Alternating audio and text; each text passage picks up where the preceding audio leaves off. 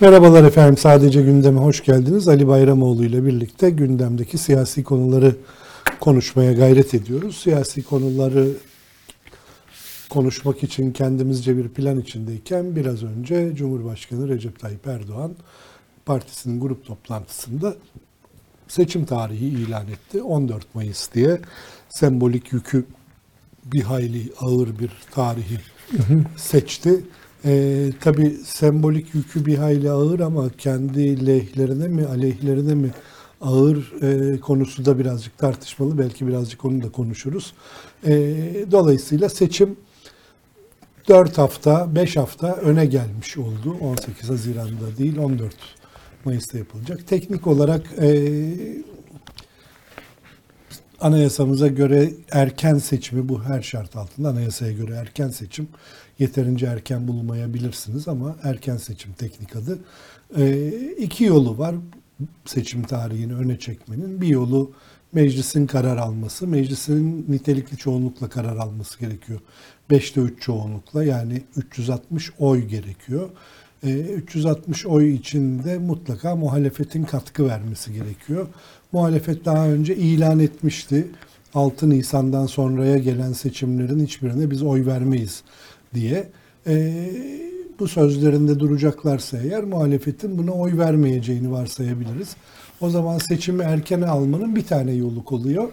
O da Cumhurbaşkanı'nın meclisi feshetmesi ve e, kendisini de görevden alması ve e, ülkeyi seçime götürmesi. Bu işte 2017'de yapılan anayasa değişikliğiyle getirilen bir imkan. E, bu imkanı kullanacak herhalde Cumhurbaşkanı. 14 Mayıs'ta seçimi yapmak için bunun için de 14 Mart'ı geçmeyen bir günde bu kararı vermesi gerekiyor. Ee, işte hele onun evet. teknik şeylerini herhalde yerine getirirler. Çok vakit var daha. Ee, onu, o günün gelmesine daha çok zaman var. Ee, o zamana kadar çok da pazarlık olur. Ama şunu da anlıyoruz ki yani meclisi 14 Mart diye söyleyelim şimdi haftanın gününe denk geldiğine bile bakmadım 14 Mart'ın ama kabaca 14 Mart diye konuşalım. Demek ki meclisimizde 14 Mart'a ya da işte 13 Mart gününe kadar çalışmaya devam edebilecek. Daha sonra devam edemeyecek meclis çalışmaya. Çünkü münfesih olmuş olacak. Ee, mecliste de bekleyen e, bir dizi kanun var. E, AK Parti de onları birazcık sıkışık bir takvime getirmiş oldu. Anayasa değişikliği var, işte EYT kanunu var. Başka yine hükümetin e, vermek istediği vergi indirimleri dahil bir takım şeyler yapmak istedikleri anlaşılıyor seçim öncesinde meclis üzerinden. E, bir de öyle kanunlar var. Herhalde onlar da 14 Mart'a kadar halledilir diye düşünüyorum. Evet Ali ne diyorsun seçimin erkene gelmesi? Çok da büyük bir sürpriz değil. Büyük tabii. bir sürpriz değil. E, tarihin netleşmesi açısından tabii bir haber. Evet. E, diğer aktörleri özellikle altılı masayı, muhalefeti, HDP'yi ya da diğer siyasi aktörlerin aday çıkarma e, belirleme süreleri açısından kısmi bir e, etkiden bahsedebiliriz. E, tabii bu 6 Nisan öncesi ve sonrasını tekrar e, hatırlatalım. Eğer 6 Nisan öncesinde bir e, meclis kararıyla bir e, erken seçime gidilseydi, bu durumda Cumhurbaşkanı'nın e, tekrar e, seçilme haklarından yani 2-3 tartışması ortadan kalkacaktı. Cumhurbaşkanı tekrar tartışmasız aday olabilecekti. Şimdi ise muhalefetin elinde e, yani seçimi meclis eliyle seçim ilan edilseydi bu tartışmada doğal olarak ortadan ortadan kalkacaktı. Dolayısıyla muhalefet 6 e, Nisan sonrası yapılacak bir erken seçime destek vererek Cumhurbaşkanına karşı bir eleştiri unsuru olarak kullandığı üçüncü kez seçimine kalkıyorsun, seçilemezsin. iddiasını kendi eliyle ortadan kaldırmak istemediği için bu tavrı aldı. Çok anlamlı mı? E, fiilen bence değil. E, ama e, politik olarak, söylem olarak, bir eleştiri konusu olarak muhalefetin kullanabileceği bir unsur. Dolayısıyla büyük bir ihtimalle e, fesih e, yoluna Cumhurbaşkanı gidecektir diye düşünüyorum. Ama tabii e, bu göreceğiz. işler belli olmaz, göreceğiz. E, diğeri e, senin söylediğin konular üstünden gideyim. e, bir ay öne alınmış oluyor. Dolayısıyla bir ay öne alınması ne seçim söylemi ne seçim takvimi açısından ekstra bir baskı getirmiyor siyasi aktörlere, kamuoyuna da. Önümüzdeki üç buçuk ay içerisinde demek ki seçime doğru bir koşu olacak ve üç buçuk ay tamamlandığında seçimde yapılmış olacak bugünden itibaren bakacak olursak. İki konu daha var. Ee, Aslında üç konu var. Ee, Onların da altını çizmek lazım. Şimdi meclisin yasa çıkarma yetkisi var. Cumhurbaşkanı her ne kadar yasalar hazırlatıp meclisi onaylaması için gönderiyorsa da meclis onaylamadan o yasalar çıkmıyor. Ee, ve seçimlere doğru giderken e, özellikle seçimlerde kendisine fayda getireceğini düşündüğü tüm kanun tasarıları, kimi vergi düzenlemeleri, e, EYT e, gibi konular e, önemli. Burada da büyük bir sorun çıkacağını sanmıyorum İsmet. Çoğunluk elinde Yok, olduğuna hiçbir göre parlamentonun zaman sıkışması dışında Zaman bir sorun yok. sıkışması. Bir tek burada kritik konu anayasa değişikliği meselesi. Bu anayasa değişikliği ve takvimi iktidar tarafından nasıl oluşturulacak, nasıl kullanılacak? Ee, o konuda da malum o altılı masa çok e, net değil. Ee, hatta İyi Parti kendi taslağını CHP ile birlikte e, Bugün söyledi de Meral Evet Akşener. Bir değişiklik önergesi olarak sunmak istiyor. Sunarsa e, meclisten o tas şeyi geçer. Muhtemelen referandum ihtimali azalır ama hep e, bir e, seçimlere doğru denk yaklaşacak ya da o tarihe denk gelecek bir referandum endişesi e, az ihtimal olsa da masada duruyor diye düşünüyorum.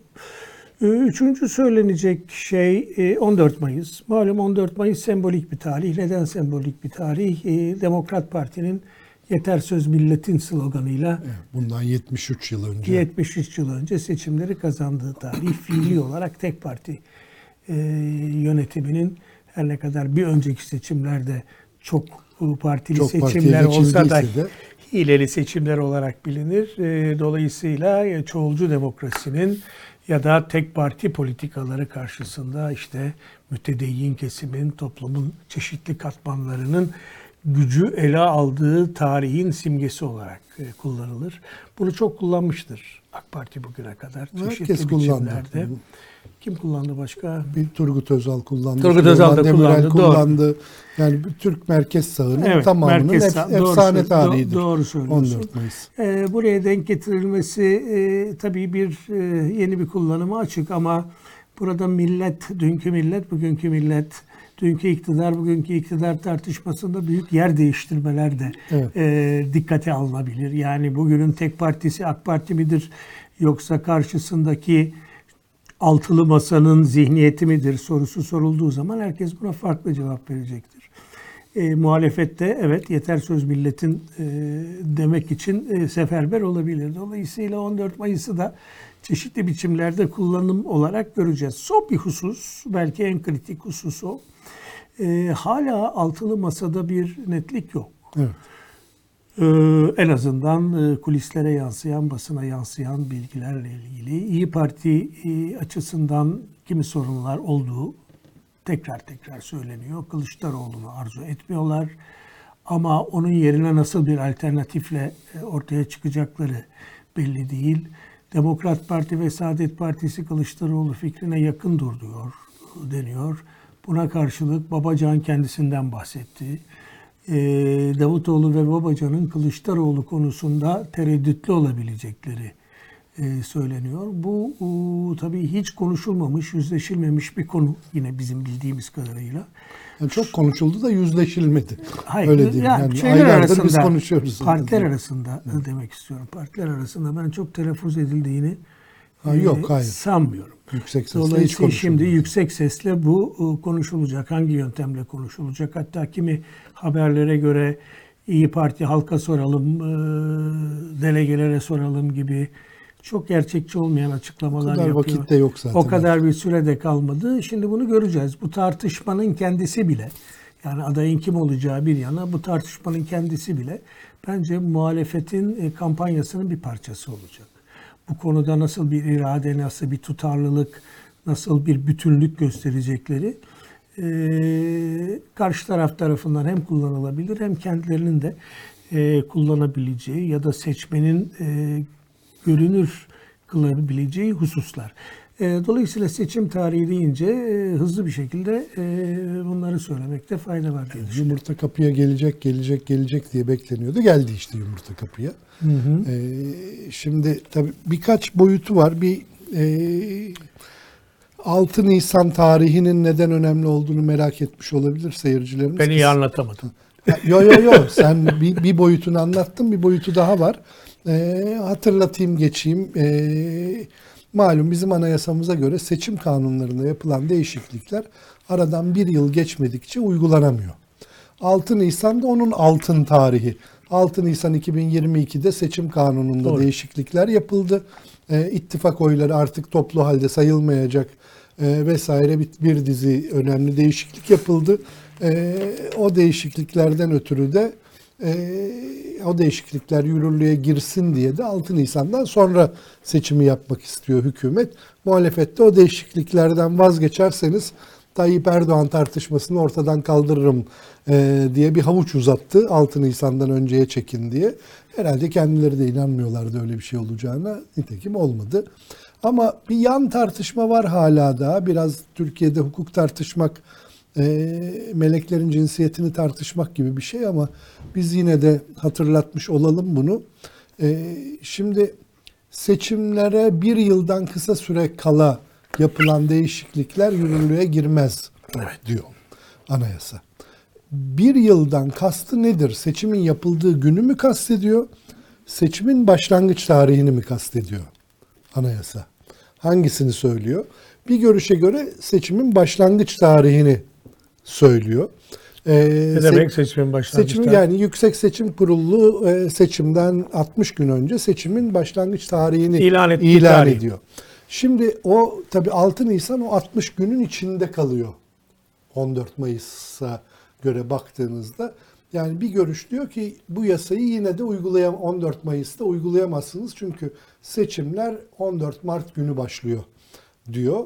Ee, tabii dediğim gibi Türkiye'de bu çeşit hukuk tartışmaları yapmak meleklerin cinsiyetini konuşmak gibi bir şey. Sonuçta işte e, bir patron var. O patronun emrinde e, bir grup hukukçu var. Onlar canlarının istediği kararı alıyorlar. Dolayısıyla nasıl Cumhurbaşkanı üçüncü defa seçilebilir, seçilemez tartışması fiiliyatta anlamsız bir tart an- anlamlı bir hukuki tartışma olmakla birlikte fiiliyatta hiçbir anlam ifade etmiyorsa bu, bu konuda fiiliyatta hiçbir anlam ifade etmeyen bir konu. Meleklerin cinsiyeti e, hukukçular açısından değerli bir tartışma belki ama bir sonuç doğurmayacağı belli bir konu. E, şimdi bu 14 Mayıs meselesi sen biraz gir benim de e, aslında yani yeter söz milletindir demeye hakkı olan kimdir aradan 73 yıl geçtikten sonra diye düşünmeme sebep oldu 14 Mayıs tarihinin ilan edilmiş olması. Yani 20 yıldır iktidarda olan AK Parti ve Tayyip Erdoğan'ın mıdır bu hak yeter söz milletindir deme hakkı Ee, yoksa bu 20 yıllık iktidarı değiştirmeye çalışan muhalefetin midir? Hangisi tek partidir, hangisi değildir? Zihniyet hangisinde temsil ediliyor, hangisinde temsil edilmiyor? Eski tek parti zihniyetinin ismi CHP doğru. Ama acaba zihniyet hala orada temsil ediliyor mu, edilmiyor mu? Ee, belki de ediliyordur onu da yani edilmiyor diye ne- net bir cevap verebilecek durumda değilim. Ee, ama öbür tarafta AK Parti de bayağı bir tek parti gibi hareket ediyor. Özellikle son 4-5 yıldır Cumhurbaşkanı Erdoğan tek partinin lideri gibi, İsmet İnönü gibi, Atatürk gibi hareket ediyor. Ee, tek başına kararlar alıp uyguluyor, hayata geçiriyor. Ee, tek başına her şeyden sorumlu olduğunu düşünüyor filan. Ee, o bakımdan renkli bir e, renkli bir yan tartışması olacak gibi gözüküyor seçimin. Anlamsız bir tartışma da olmayacak bu. Yani e, renkli olacak. Hepimiz eğleneceğiz belki ama bir yandan da ciddi bir siyasi anlam ifade edecek. Şimdi tabii muhalefet açısından baktığında yani iktidar Cumhurbaşkanı Erdoğan kendi seçim kampanyasını ta Ekim ayının 28'inde başlattı Türkiye Yüzyılı adıyla. Başladı o ve devam ediyor, yürüyor, gidiyor zaten. Ee, muhalefet ise türlü çeşitli zorluklarla karşı karşıya.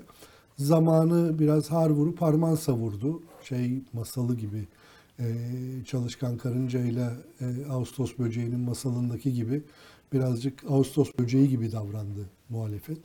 E, geldik geldik işte şimdi önümüzdeki hafta ayın 26'sında Ocağın 26'sında bir önemli zirvesi daha olacak altı partinin. Bu zirvede işte bu ortak politikalar metnine ve seçilecek Cumhurbaşkanı ile onu belirleyen altı partinin genel başkanı arasındaki ilişkileri de düzenleyecek olan yol haritası adı verilen metni üstündeki son anlaşmazlıkları giderecekler. O metni belirleyecekler. O metni 30 Ocak günü Ankara'da bir gövde gösterisine de hazırlanıyorlar. Büyük bir şeyle tanıtacaklar o metni, o metinleri. Ee, arkadan da herhalde Şubat'ın 10'unu 12'sini bulmaz. Ee, bir liderler zirvesi daha olacak. Altılı liderler zirvesi. Onda da ben adayın artık isminin açıklanmasını bekliyorum. Evet bu eski takvim tabii. E, ben yani ben ben bu takvimi belki birazcık hızlandırırlar ama çok hızlandıracaklarını zannetmiyorum. Şunlar ötürü tam da oraya gelmek için bu e, teknik izahatı yaptım. E, şimdi altılı muhalefetin bir büyük probleminin ortak program oluşturmak, ortak bir yol haritası belirlemek olduğu kadar ve bir aday belirlemek olduğu kadar bir büyük probleminin de ortak iletişim pro- politikası oluşturmak olduğu ortaya çıktı. Neyden beri? En son 5 Ocak'ta Ahmet Davutoğlu'nun ev sahipliğinde yapılan Altılı Liderler Zirvesi'nden beri.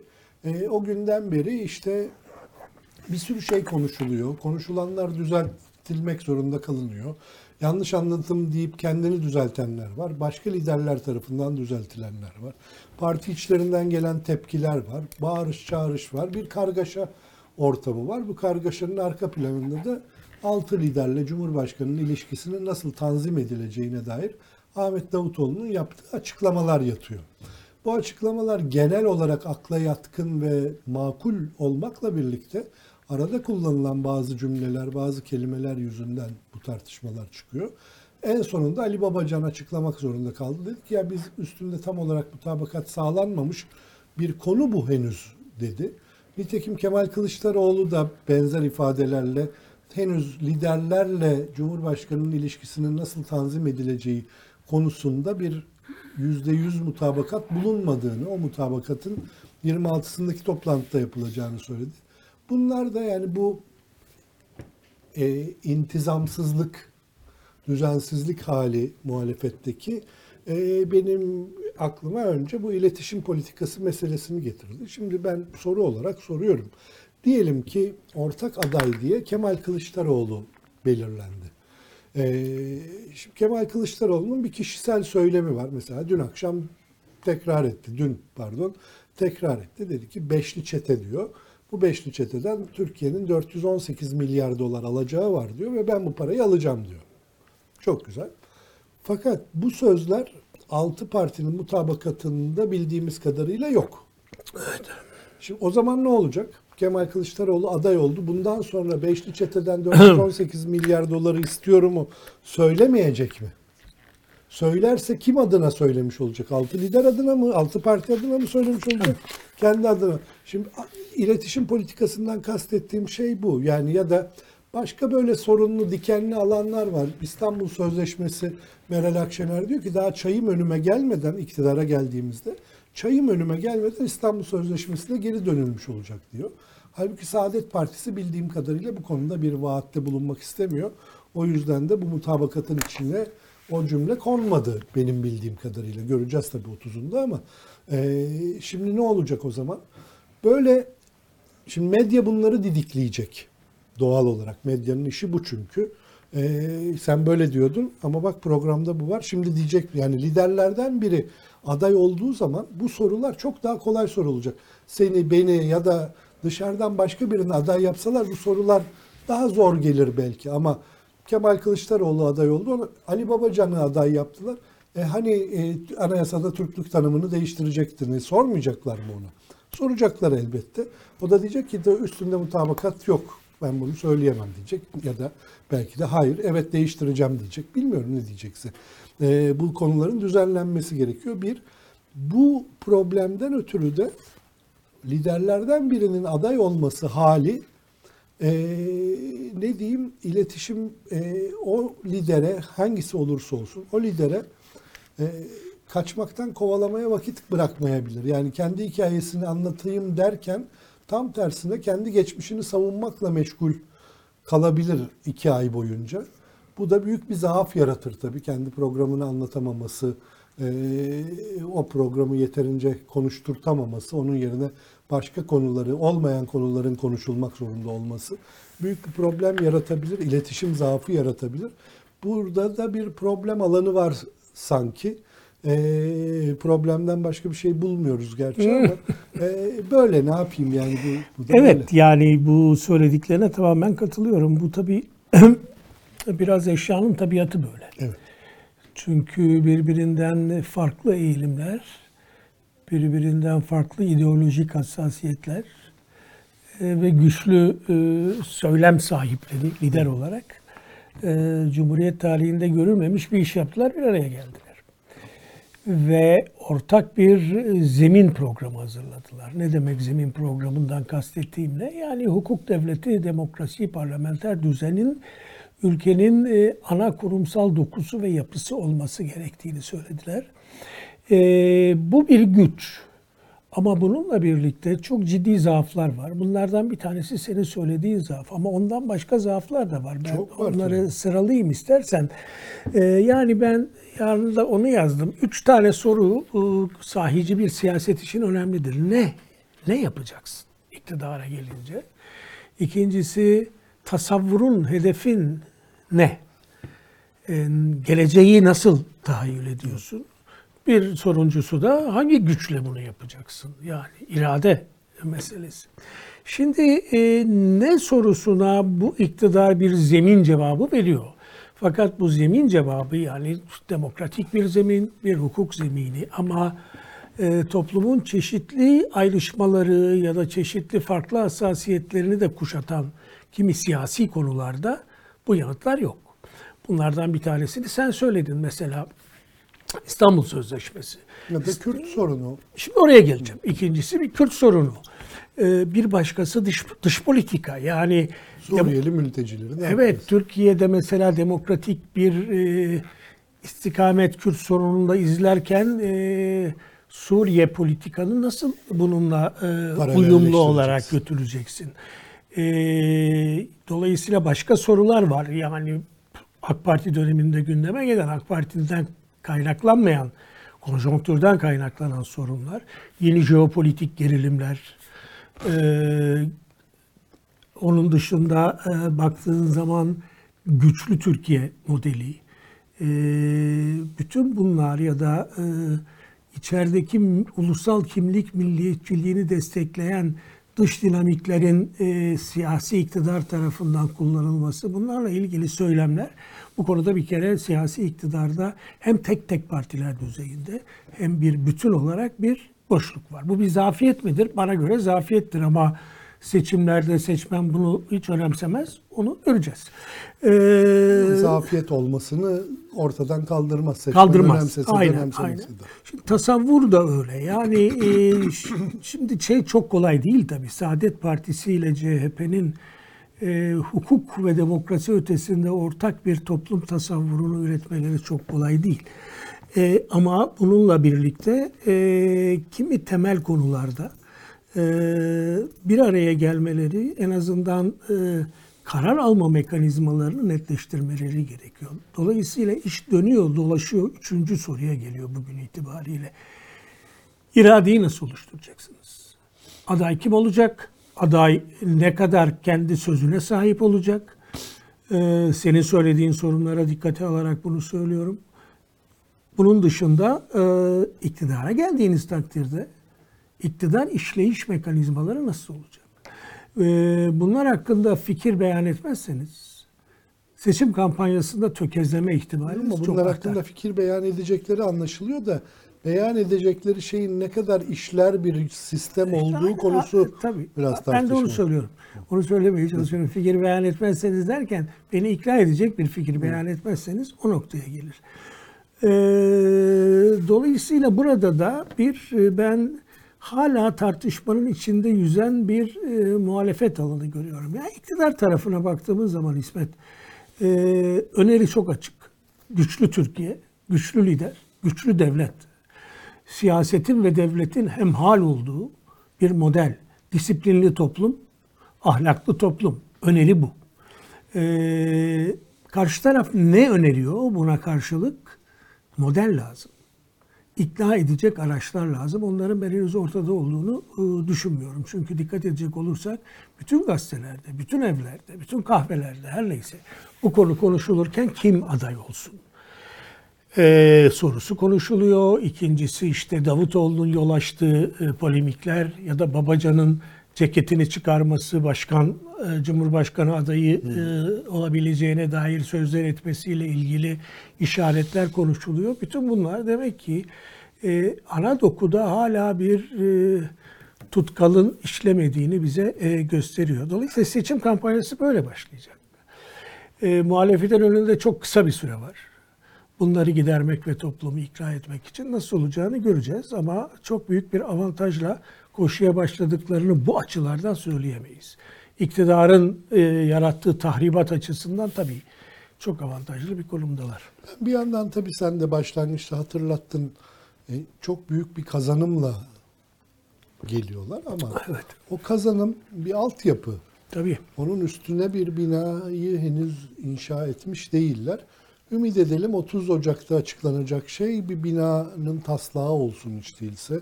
Ee, yani ileriye doğru adım atabilmiş olsun ee, Altı Muhalefet Partisi. Eğer ileriye doğru bir adım da atamıyorsa e, geriye bir tek işte bir bir şahıs iktidarını ortaya çıkartabilme ihtimali kalıyor. E, o şahıs da Kemal Kılıçdaroğlu mudur, başka birisi midir? Bu konuda son derece Ha, şimdi oradan da devam edecek olursak İsmet orası da çok tartışmalı bir konu. Ee, şimdi Akşener'e bakalım. Akşener şu anda yine kulislerden yansıyan verilerle bloke eden bir konumda. Yani Kılıçdaroğlu'na itiraz etmese Meral Hanım aday ana hatlarıyla belli. Evet. Kılıçdaroğlu bunu istiyor, bunu destekleyecek diğer siyasi partiler var.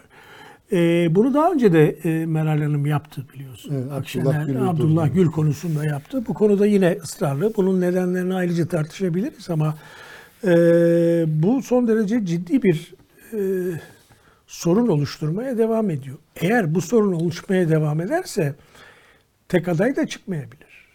Yani çok belki büyük ihtimal değil gibi gözüküyor ama e, çoklu adaya gidebilir bu sistem.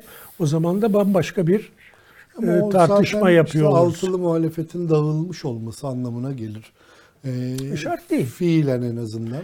Evet birçok algıda öyle olacaktır ama e, yani ikinci turda bizim adayımızı halk belirlesin tarzı da bir çıkış yapabilirler.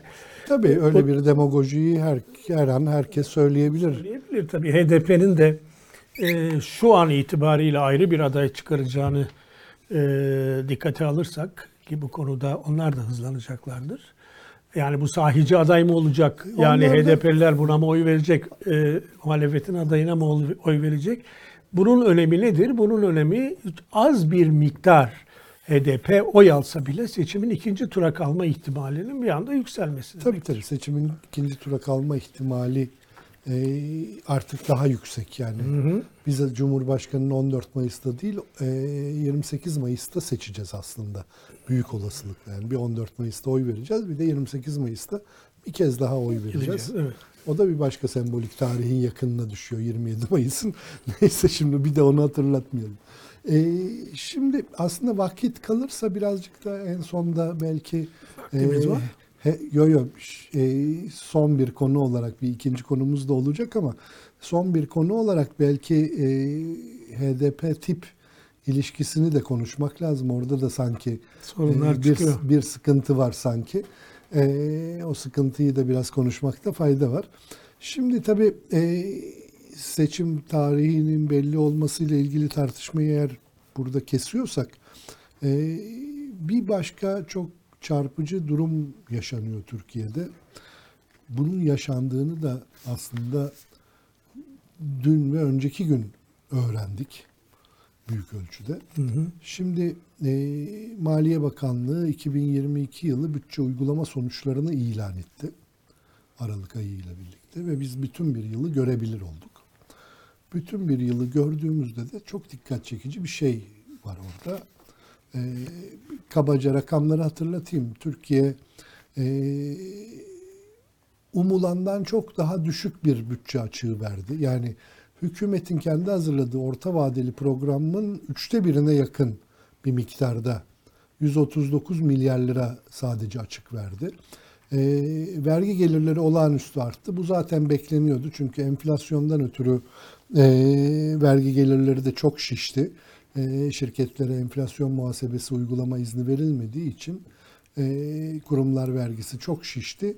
O sayede hükümetin, devletin vergi gelirleri de çok ciddi miktarda artmış oldu ama buna rağmen bütçe açığının bu kadar düşük çıkması beklenmiyordu. Hükümet için bile şa- şaşırtıcı oldu bu durum. Ee, peki niye düşük çıktı diye dün itibariyle bakılmaya başlandı bütçe. Bana sormayacaksın herhalde. Yok yok söyleyeceğim, söyleyeceğim, söyleyeceğim. Bu hayır, şu bu ekonomik bir konuşma değil, siyasi bir tartışma bu aslında. Peki. Ee, bir baktık ki e, normalde Türkiye'nin BOTAŞ diye bir kurumu var. Doğalgaz ithal eden kurumu var. Doğalgaz ithalatı için de BOTAŞ e, hazineden ona para aktarılır, bütçeden ona para aktarılır. BOTAŞ o parayla gider Merkez Bankası'ndan döviz satın alır, yurt dışına da ödemesini yapar. Mekanizma budur. E, bir baktık ki Haziran ayından itibaren BOTAŞ hiç döviz almamış. BOTAŞ'a bütçeden bir kuruş para aktarılmamış. Ee, Merkez Bankası da ona bir kuruşluk dol- dolar bile satmamış Haziran ayından beri. Bunu topladığımız zaman da kabaca 20 milyar dolarlık bir şey çıkıyor ortaya. Yani BOTAŞ yapması gereken bir 20 milyar dolarlık harcamayı yapmamış. Bütçeye de yük olmamış. Bu sayede de bütçe Açık verme. açık çok Az çok daha az vermiş. açık ver. Peki bu 20 milyar dolar neymiş? 20 milyar dolar şu. Bunun bu dedikodu olarak aylardır konuşuluyor fakat resmen doğrulanmıyor da yalanlanmıyor da. Türkiye ile Rusya arasında ya doğalgaz ödemelerinin ertelenmesi görüşmeleri olduğu söyleniyor. E, fakat e, ertelendi mi? Böyle bir görüşme var mı? Yok mu? Ne doğrulayan var ne yalanlayan var. Bir tek arada bir şey açıklaması geliyor. Ya biz görüşüyoruz ama görüşmelerimiz doğalgaz fiyatını indirmek için. Şimdi anlıyoruz ki bu erteleme olmuş. Türkiye'nin yapması gereken 2022'nin ikinci yarısında yapması gereken 20 milyar dolarlık bir ödeme ötelenmiş. Ne zaman ötelenmiş? Bu da şeffaf olmadığı için yani yarına mı ötelendi, seçimden sonraya mı ötelendi? Bunu da bilmiyoruz açıkçası. Ama şunu söyleyebiliriz. Yani Türkiye'nin Türkiye'de hükümete verilmiş, Rusya tarafından verilmiş çok büyük bir destek bu. Ee, seçime müdahale anlamına gelebilecek denli önemde bir destek. Bu ödemeler yapılmamaya devam ediyorsa Ocak'ta, Şubat'ta, Mart'ta, Nisan'da, Mayıs'ta destek de verilmeye devam ediyor ve desteğin miktarı 20 milyar dolardan belki 30-40 milyar dolara kadar da yükselecek demektir. Bu çapta, bu bu vahim, vahamette bir şeyin ben dünyada yaşandığını bilmiyorum. Bırakın Türkiye tarihinde yaşanmış olmasını. Yani bir başka ülkenin, bir ülkenin e, iç işlerine, seçimine, bir siyasi parti lehine, bir iktidar lehine bu ölçüde müdahale ettiğine dair dünyada var olan bir örnek benim aklıma gelmiyor açıkçası. Bilmiyorum senin geliyor mu? Evet tabii buradan bir siyasi parti lehine sonucunu sen çıkarıyorsun. Evet, hükümet lehine olduğu sonucunu ben çıkartıyorum. Çünkü bu Türkiye'ye yapılan bir e, yardım. Evet ama işte Hayır anlıyorum. Yani söylediğini anlıyorum ama e, elbette. Yani bu bu evet önemli bir tartışma. yani bu böyle sıradan bir konu değil. Ee, tabii ki hükümet Peki şöyle de bakmak lazım. Yani bütçenin az açık vermesi seçim kampanyasına, halka vesaireye nasıl yansıyor? Ee, göstergelere nasıl yansıyor? Bütçenin Soru az açık vermesi hükümete daha geniş bir hareket alanı veriyor. İşte memur maaşlarına daha fazla zam yapmasına yardımcı oluyor. Efendim emeklilere daha fazla zam, EYT diye bir şeyin parasını ödemesine yardımcı oluyor vesaire. Onların ötesinde bir durum var ama. 20 milyar doları ödememiş olmak dolar fiyatı üzerindeki baskıyı çok azaltıyor. Tabii. Dolayısıyla mesela biz 2022 yılında e, TÜİK'e göre %64 küsurat enflasyon yaşadık. Doların fiyatı %34 arttı. Aradaki 30 puanlık fark işte buradan geliyor. Dolar fiyatının enflasyon kadar artmamasının arka planında bu var. Bunun olan şeylerden biri Bir de bu tanesi zaten. diyelim evet. Evet evet yani önemli önemli bir konu. Ee, sen e, Yani şimdi- çerçevesini çizdin. Söylenecek bunun üstüne çok da bilgim olan bir konu değil. Çok söyleyeceğim bir şey Yani yok bu- ama bu- yani burada tabii bu paranın girmesi, iktidarın bunu ilişkilerini kullanması, bunu bir tür popülist yatırımlara çevirmesi e, evet bunlar tabii ciddi konular. Ee, çok hafife alınacak konular değil ama bu düzeyde Türkiye bunları skandal olarak tartışır mı çok emin değilim. Şöyle bir şey var tabii yani yerli ve milli olma iddiasında e, dış güçlere boyun eğmeme, e, kafa tutma iddiasındaki bir iktidarın bir bir dış güçle bu kadar e, içli dışlı e, olmuş olması e, hakikaten çok dikkat çekici. Evet, yani bunu bunu muhalefetin dikkat ederek anlatması lazım. Çünkü bunu iktidar sana milli çıkarlara uygun bir fleksibiliteyle bu milli ve yerli politikanın pozitif sonucudur diye anlatabilir. öyle yapacaktır zaten. Ee, Öyle yani yapacaktır. bunu bunu karşı tarafa çevirmesi e, gereken muhalefet. Evet. Tabii gazetecilerin de bunun e, bu tabloyu ortaya koymaları gerekir. Senin biraz önce İşte, koyduğun gibi. işte evet. va- varsa gazeteci koymak lazım Hmm, aslında. Sen koydun işte gayet Şimdi bu, bu tablonun bu tablonun birazcık daha devamı var aslında. Yani Türkiye Rusya ilişkileri hakikaten üzerinde durulmayı hak eden bir şey. Ee, Türkiye normal şartlarda en çok petrolü Irak'tan ithal eden bir ülke. Fakat 2022 yılında Ukrayna Savaşı'nın da etkisi var burada. Ee, Türkiye'nin petrol ithalatında birinci sıraya Rusya gelmiş.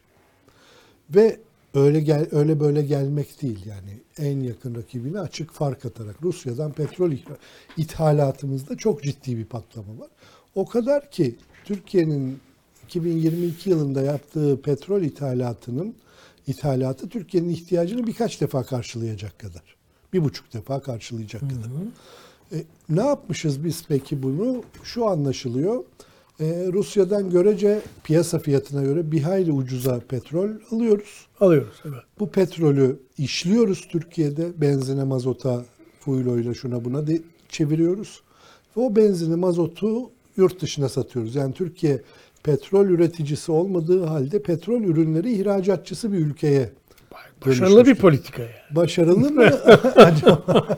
yani tabii e, Yani senin söylediğiyle tabii her şeye bir- Erdoğan'ın verebileceği Hayır, bir hayır, yanıt bir, var. Yok yok bir, bir ticaret olarak başarılı bir ticaret bu ama e, buna kuşku yok sonuçta işte bu da yani yine doların fiyatının alt, aşağıda tutulmasını sağlayan unsurlardan bir başkası da bu. E, burada tabii ki diyecek ki iktidar ya ne istiyorsunuz? İhra- ihracat yaptık işte. Türkiye'nin sanayicisine kazandırdık, tüccarına kazandırdık diyecektir. Tamam ama bir başka ülkeyle olan bu yakın ilişki insan ister istemez insanın eee, şüphelerini çekiyor. İster istemez insanın tüylerini eee, kaldırıyor havaya. Dur bir dakika burada bir şey oluyor diyor. Eee, çünkü benzer bir yakın ilişkiyi başka ülkelerle yaşamıyorsunuz. Yani o ülkeyle yaşıyorsunuz. Bu bunlar eee, bana çok dikkat çekici geliyor ve bu ülke üstelik de diğer ülkelerin iç işlerine karışması, seçimlerine müdahale etmesi, referandumlarına müdahale etmesiyle meşhur bir ülke. Yani Ve buradan şöyle bir şeye de gidilebilir tabii İsmet e, bu verilerden hareketle. Yani mesela Türkiye'nin bir zaman Batı'yla olan bugüne oranla daha sıkı fıkı ilişkisi, yaşadığı krizler, ekonomik krizler, ekonomik krizlerde gelen paralar, uluslararası kuruluşlar kadar Amerika Birleşik Devletleri'nden ya da gelen aynı destekler e, böyle bir tabloyu e, andırırlardı aslında. E, Bugün Türkiye'nin biraz Erdoğan'ın iddia ettiği çerçevede daha stratejik olarak geniş ve çok hamleli bir e, adıma gittiğinin de göstergesi bunlar.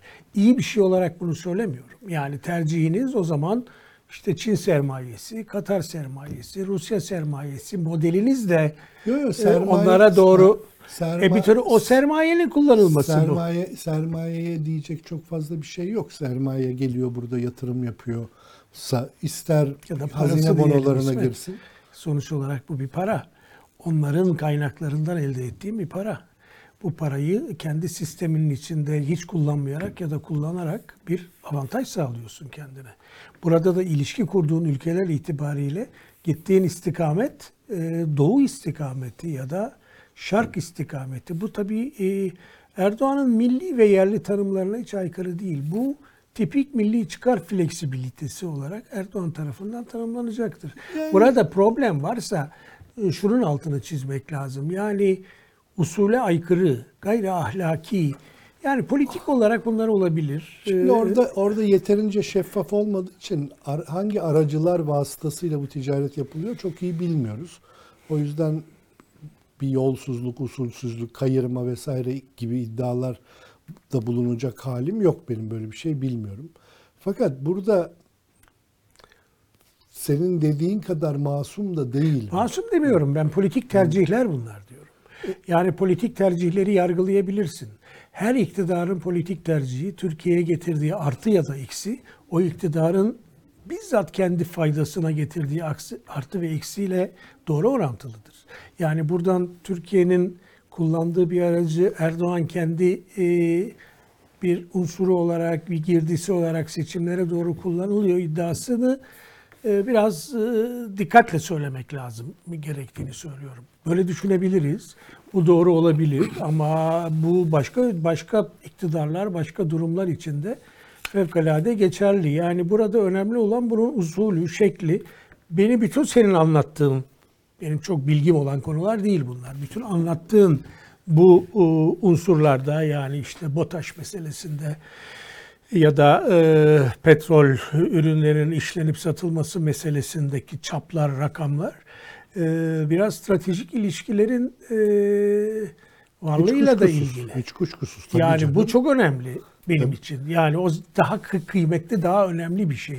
O zaman Türkiye'nin tercihleri gidiş istikameti rejimiyle, ekonomisiyle, kullandığı imkanlarla başka bir alana da oturmaya çalışıyor demektir. Böyle değerlendirmek bana daha doğru geliyor. Yok yok stratejik bir tercih olduğu ve uluslararası stratejiyle bağlantılı olduğuna da hiç kuşku yok burada. Burada yani tabii işte şöyle bir şey söylenebilir. Yani Türkiye Rusya'da dünyadan tecrit edilmiş Rusya'ya bir nefes alma kanalı veriyor. Bu Türkiye'nin Rusya açısından önemini arttırıyor. Ee, Rusya da bunun karşılığında Türkiye'ye bir Ben Nefes Avrupa açısından da bunun bir önemi var. Yani Rusya'nın nefes alması e, alma almasına yön- almamasına yönelik yaptırımlarla nefes alması aslında Avrupa telakkisinde bir arada yaşayan şeyler. Yani İşte- Türkiye'nin değerini arttıran da şeyler bunlar Erdoğan'ın da.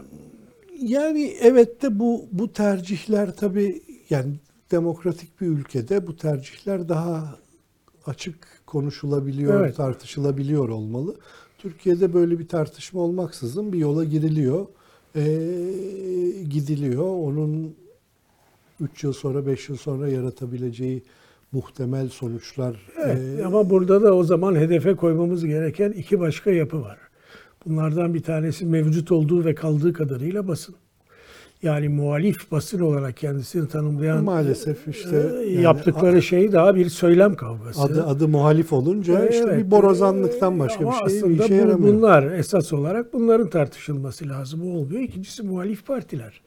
Yani muhalif partiler mevcut işte 400 milyon dolar nereye gitti falan bunlar tabii çok daha kolay iddialar. Bu tür politikaların e, şeffaflığını tartışması çok daha yerinde olur ama e, orada da bir birikim, bir bilgi, bir anlama yok. Hatta ben şu kanaatteyim. E, Bugün muhalif partilerin bırakın bunları anlamak, Türkiye'nin e, son 10 yıl, 15 yıldır sosyolojik olarak nereye gittiğiyle ilgili. Mesela geniş ailelerden çekirdek ailelere geçişin Anadolu'da, büyük kentlerde ne tür sonuçlar yarattığıyla ilgili de bir fikri yok. Tatonmanla var, tahminle var ya da bir birkaç tane gözlem yapmış sosyoloğu dinleyerek, siyaset bilimciyi dinleyerek var. Ee, asıl zaaf burada galiba. Evet, yani tabii, mesele şeyde değil sadece. Ülke sosyolojisi. Evet, benim bildiğim konulara geçiyor muyuz? Tamam geçelim. Şimdi sana soracağım. Be- Ee, bu, bu tip ne istiyor HDP'de? Aa, onu hakikaten o kadar bilmiyorum ama şu var. Türkiye İşçi Partisi'ni gözlediğim ve gördüğüm kadarıyla e, son dönemlerde e, liderinin de çıkışları, konuşmaları, kurulan ittifak kendisine e, Kürt politikası ya da Kürtlerin yaptığı politika çerçevesinde bulduğu yeri e, bir tür genişletmek, bir tür kendisine mal etmek hamleleri olarak yorumlanabilir.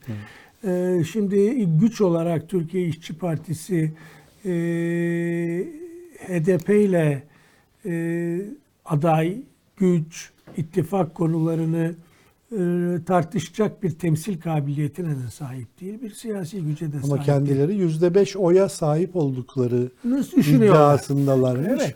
Ve bu yüzde beş yani ben de sağda solda okuduğumu söylüyorum kendim doğrudan bilgi sahibi değilim. Ee, mecliste grup oluşturacak kadar milletvekili Tabii istiyorlar. iddialar tabii hep var da. Yani başka siyasi partiler mesela Akşener yüzde 11-12 gözüküyor araştırmalarda. Ona soracak olursan yüzde 19, yüzde 17'lerde dolaşıyor. Babacan'a sorduğun zaman anketleri hiç dikkate almamak lazım. Hiçbir e, baraj engeliyle ya da limit engeliyle karşılaşmayacaklarını düşünüyor. Doğu Perinçek biliyorsun her seçimden önce iktidara geleceklerini açıklıyor. O da yüzde dokuz oyumuz diye. Yüzde dokuz, binde dokuz bile alamıyor. Yani bu iddialar başka bir şey. Ama orada şöyle bir şey var. Tabii bir ittifak var. Ee, bu ittifak bugün daha değerli hale geldi. Çünkü e, HDP'nin üstünde bir kapatılma riski var. Ee, kapatıldığı takdirde HDP ittifakın bir e, yani HDP derken HDP'nin ruhu, HDP'nin temsil ettiği politika ittifakın parçası olarak mı sahaya girecek? Yoksa e, yine e, HDP etrafında başka bir organizasyon, başka bir isimle mi örgütlenecek? E, burada e, zannediyorum tip biraz oldu bittilerle karşı karşıya kaldığını düşünüyor ve bunlara itiraz ediyor. Ama buradan çok fazla bir şey çıkacağını ben e, sanmıyorum. Kaldı ötürü- ki tip değil benim gördüğüm kadar HDP'nin taşıyıcı partisi. Yeşil Sol Parti daha çok. Orada bir örgütlenme görüyoruz. Orada hatta yapılan yeni teşkilat yapılanmalarında yani yeni seçimlerde HDP'li e, gibi isimlerin yani Kürt siyasetinin içinden isimlerin oralarda görev almaya başladığını görüyoruz. Ee, dolayısıyla böyle değerlendirmek gerekir bence. Şöyle galiba işte bu pazar günü bir miting yaptı e, bu ittifak. Evet. Bu sol ittifak. Tipler Üçüncü- sahneye Evet. çıkmadılar. Evet tip sahneye çıkmadı. Oradan beri zaten bu laf var yani böyle bir, bir gerginlik mi var aralarında filan derken işte e, bu sabah ben okumaya başladım ki işte e, 20 milletvekili istiyorlarmış. %5 oyları olduğunu düşünüyorum. Onu bilmiyorum. İstedikleri milletvekili sayısını Ben de bilmiyorum. da okuduğumu yani. aktarıyorum, okuduğumu aktarıyorum. Ee, şimdi tabii e, o ittifakın içinde neler olduğu tartışması kadar senin hatırlattığın yani HDP bir kapatmayla karşı karşıya kalırsa işte yedek partisi e, hangisi olacak? Bir yedek parti üstünden mi girecek seçime? Yoksa ittifak yaptığı partilerden birinin listesinden Bu mi hala girecek? ortada ama Ee, e, bence de bu opsiyonları açık bırak. Ben de olsam bu opsiyonlarımı açık bırakırım. İkisini de kullan. Son, çok da son sızdırmıyorlar HDP'liler. Tam ne o, yapacaklarını o. bekliyorlar. Çünkü, evet. çünkü işte devletin de onlara ne yapacağı belli değil. Belli değil. Ee, bunu e, mümkün olduğu kadar Evet ama şöyle düşünmek lazım. Evet bu bir siyasi tartışma ama e, yani güç iddiaları ve taleplerle bir yere varmak her zaman mümkün değil. Yani e, Mesela altılı masaya bakalım. Altılı masada e, Gelecek Partisi de 20 milletvekili isteyebilir grup kurmak için. Bu kadar bir gücü var mı oy olarak? Hayır. Şu andaki anketleri veri alacak olursak. Ama orada iş başka. Orada bir özgül ağırlık meselesi var. Bu tarafa baktığın zaman böyle bir özgül ağırlık meselesi yok. Bunu üreten aslında e, bütün o tür sola şemsiye olan e, HDP. HDP. Yani şimdi tabii diyelim ki Gelecek Partisi seçilebilir yerden 20 milletvekili istedi Millet İttifakı içinde. O sorunu çözmek kolay aslında. Sorarsınız Gelecek Partisi'ne nerelerden seçilebilir olduğunu düşünüyorsun. Ee, oralara yazalım seni dersiniz. Seçilebiliyorsa seçilir sahiden. Ee, Ama, seçilecek yerlerden Şimdi çünkü millet hayır Millet İttifakı bütün Türkiye'de e, Türkiye satında seçime gireceği için ve her yerden oy almayı beklediği için bu böyle. Halbuki HDP ve o sol ittifakın e, o sol ittifak türlü çeşitli ceplerde bir işte Güneydoğu'da bir grup ilde 11-12 ilde e, batıda bazı illerde filan e, yani Trabzon'da da adayları olacak tabii ki. Onun Anlıyorum ama, dediğini, tabii. e, oradan pek seçilme şansı olmayacak. Belki diyecekler ki tip, tiplilere e gidin sizi Trabzon'da ilk üç sıraya yazdık. Hadi seçilin gelin Tabii, tabii, oradan. bu da bu da gerçekçi bir e, şey tabii tespit e, benim söylediğimin yanında yani e, e, yani şeyin ruhunu e, tip oluşturmaz ama muhalefetin ruhunda Ahmet Bey'in ve partisinin katkısı vardır gibi bir tespit yaptım. Senin söylediğin de e, doğru. Yani seçim seçilebilirlik elpazesi bir tarafta çok dar. Bir Öbür tarafta, tarafta çok daha geniş. geniş. Doğru Bir de şöyle bir şey var. Şimdi altılı muhalefetle bu sol ittifak arasında sanki bir fark var. Yanılıyorsam düzelt beni lütfen. Altılı ittifakta evet küçük partiler de var. Yani Demokrat Parti var. Şu anda anketlerde çok küçük gözüken Gelecek Partisi var, Deva Partisi var, e, Saadet Partisi var. Fakat e, bu altı partinin bir arada durmasının yarattığı bir sinerji var. Tamamen bu benim özgür ağırlık dediğim şey bu. Şimdi bu sinerji önemli bir şey. Halbuki öbür tarafta bu sinerjiyi Yok. çok fazla göremiyoruz. Orada bir tek HDP var. HDP aslında bir çeşit ne diyeyim amiyane tabirle kıyak yapıyor. E, hadi siz de gelin e, bizden girin diyor. E, e, filan yani istemese hiçbirini de sokmayabilir. E, o kadar böyle açıktan kavga etmek çok istemeyebilir belki. Evet ama işte HDP'nin kuruluşundan itibaren Kürt hareketi tırnak içinde kimse o Kürt hareketi e, onların tanımladığı Türkiye'lilik iddiasının altında yine o hareketin bileşenler dediği hepsi siyasi Evet. parti olmayan mesela 78'ler Vakfı da var. Bir dizi e, Türkiye'yi temsil ettiğini düşündüğü gruplarla birlikte siyaset yapmak var. Bu bir e, ideolojik vaat ya da ideolojik bir söylemin somutlaşmış bir hali. E, çok karşılığı var mı? Bence yok. Ama e, buradan da geri duramaz HDP. Şöyle Kendi kendine bu kararı veremez. Şuna yani. benzetiyorum ben bu modeli, bu modeli çok kullanıyorlar. Ee, işte Suriye'deki SDG adı verilen organizasyon mesela. E şimdi o organizasyonun %90'ının 95'inin PYD ve YPG olduğuna hiçbir kuşku yok.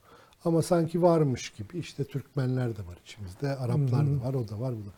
Burada da Türkiye tarafında başladı bu model aslında. Ben şimdi o hareketin o kadar çok siyasi partisi kapatıldı ki hangisiydi o an hatırlamıyorum ama HDP o dönem yani HDP kuruldu.